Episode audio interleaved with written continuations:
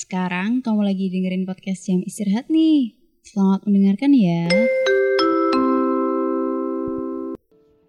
Halo semuanya, kembali lagi bersama aku Resti Aku Lola. Dan aku Salum. di podcast kebanggaan kita semua. Podcast apa tuh? Podcast jam istirahat dong. Eits, hari ini kita bakal bahas apa sih? Bentar-bentar, kalian inget kan sekarang tanggal berapa? Eh iya, sekarang tanggal 31. Ehm, berarti besok udah 2022 ya?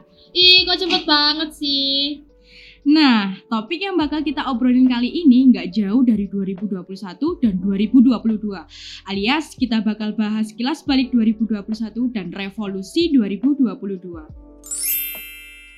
Kalian ngerasa nggak sih 2021 ini tuh kayak berat banget? Sama sih, aku juga ngerasa gitu. Apalagi seinget aku nih, hampir tiap bulan di tahun 2021 selalu ada kejadian yang wow gitu. Nah iya, aku inget tuh pas bulan Januari ada pesawat Sriwijaya Air jatuh.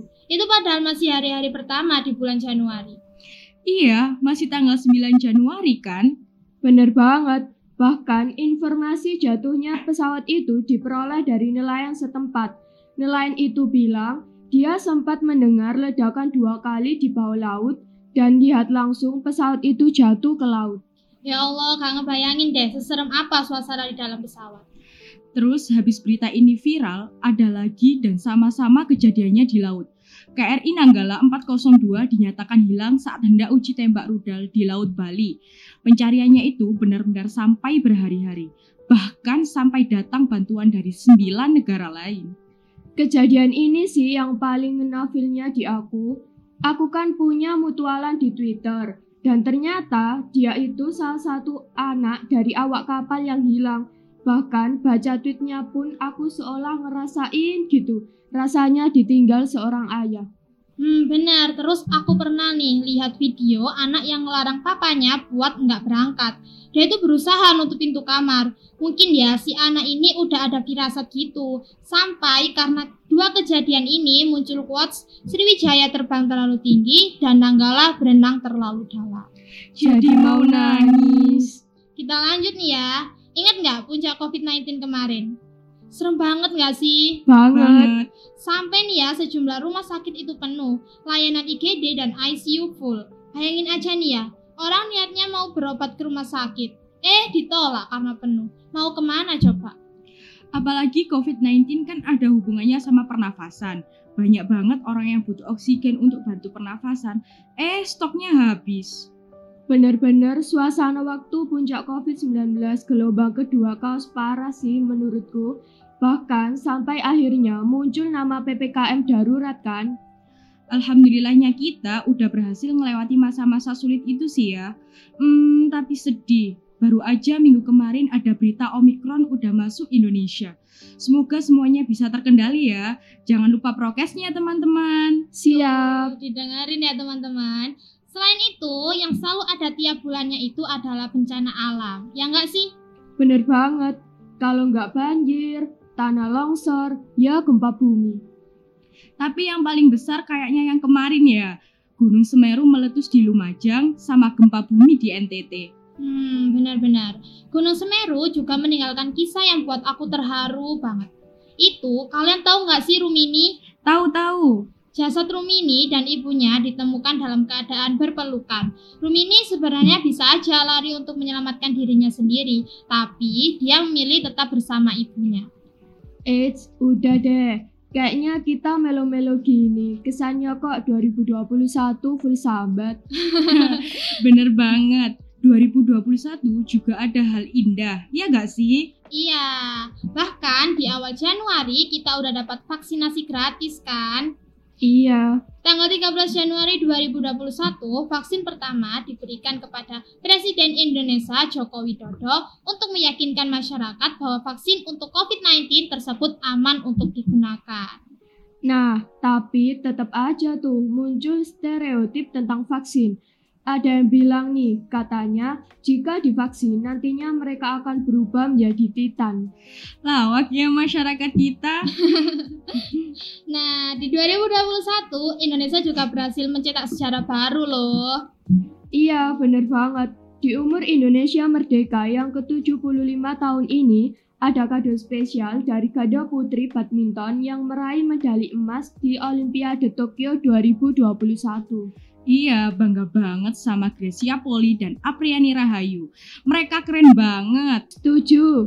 Apalagi banyak juga yang ngasih reward buat mereka. 5 miliar dari pemerintah, 500 juta dari Crazy Rich Malang, dapat rumah, apartemen, tanah. Wah, kalau di matematika bonusnya udah kayak angka 8 ditidurin. Ananta, Iya, nggak terhitung saking banyaknya.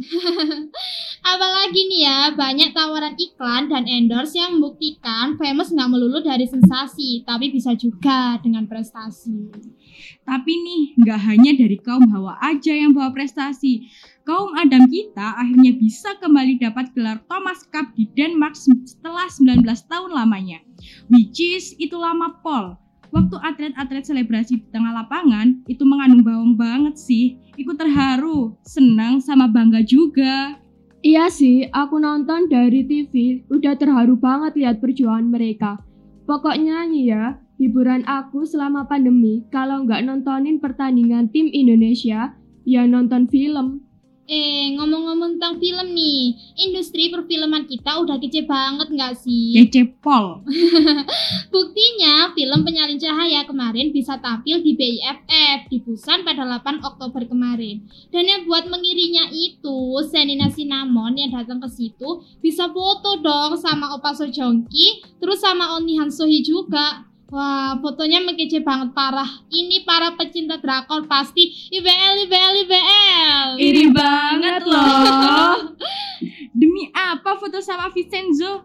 Aku iri, please. Nah, di tahun ini juga tahun pertama sekolah kita ngadain berbagai event offline, mulai dari lomba Hari Pahlawan, Bulan Bahasa, Baksos, juga yang paling ngehit sampai masuk FYP TikTok dengan total viewer 1,9 M juta, apalagi kalau nggak classmate kemarin. Rame banget gak sih? Iya, rame banget. Euforia super third-nya itu loh, gokil parah. Wah, bener banget, gokil. Aku masih inget tuh pas lomba hari pahlawan, kan ada lomba cosplay pahlawan. Nah, terus ada yang dandan mirip banget sama Pak Arno. Keren banget deh pokoknya Arisma nih. Eh, tapi dari kalian sendiri ada nggak sih cerita flashback yang berkesan gitu? Hmm, kalau dari aku sendiri nih ya, tahun ini kan udah official 17 tahun, alhamdulillahnya. Wih, udah legal nih ya. Iya, alhamdulillah. Tapi karena eh, tahun ini tuh belum sempet gitu ngurusin buat bikin KTP. Wah, sibuk Paul ya mbak kelihatannya. Bukan sibuk ya, tapi lebih ke menyibukkan diri. Jadi eh, semoga di tahun depan bisa cepet ngurus KTP dan fotonya yang bagus karena foto KTP kan sekali seumur hidup. Benar, kan? benar. Terus pasti semua orang juga maunya fotonya bagus. Biar nanti kalau ditunjukin ke orang-orang pasti kan Gak Kalau- malu ya iya kan? kan KTP kan banyak kebutuhannya. Jadi biar ya nggak malu sih. Ya gitu aja kalau dari aku. Kalau dari Lola apa aja nih eh, hal yang berkesan di tahun 2021 Hal yang berkesan di tahun ini banyak banget sih, dan sangat bersyukur. Salah satunya bisa bergabung di Extra Retra yang keren ini loh. waduh Hmm. Impian dari kelas 10 dan akhirnya bisa juga bergabung sama keluarga Retra. Makasih banyak ya. Kalau dari Resti, apa nih?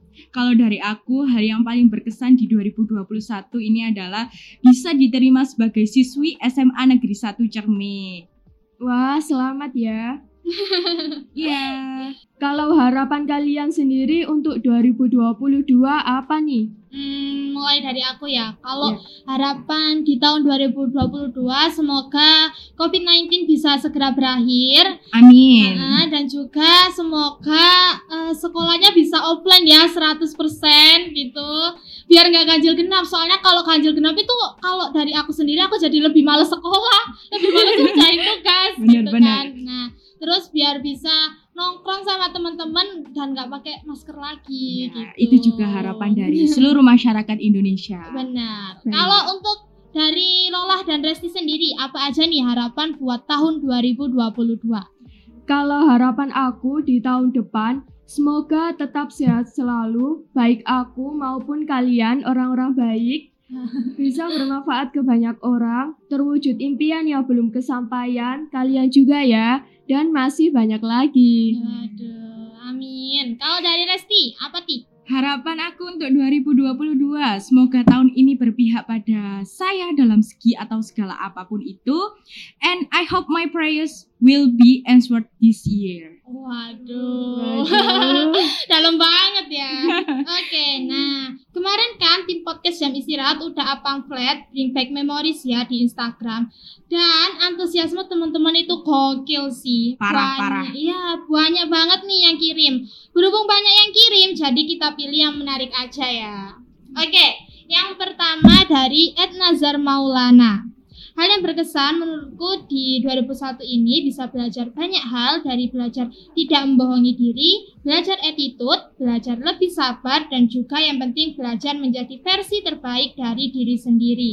Walaupun lingkungan sekitar tidak mendukung, tapi tetap dijalani. Pesan buat 2022 yang pasti semoga lebih baik lagi, memperbanyak prestasi daripada ekspektasi. Walaupun mungkin di 2022 itu masih ada kesedihan atau hal buruk, semoga itu terjadi dengan tujuan memberi pesan untuk berubah dan menjadi lebih baik lagi.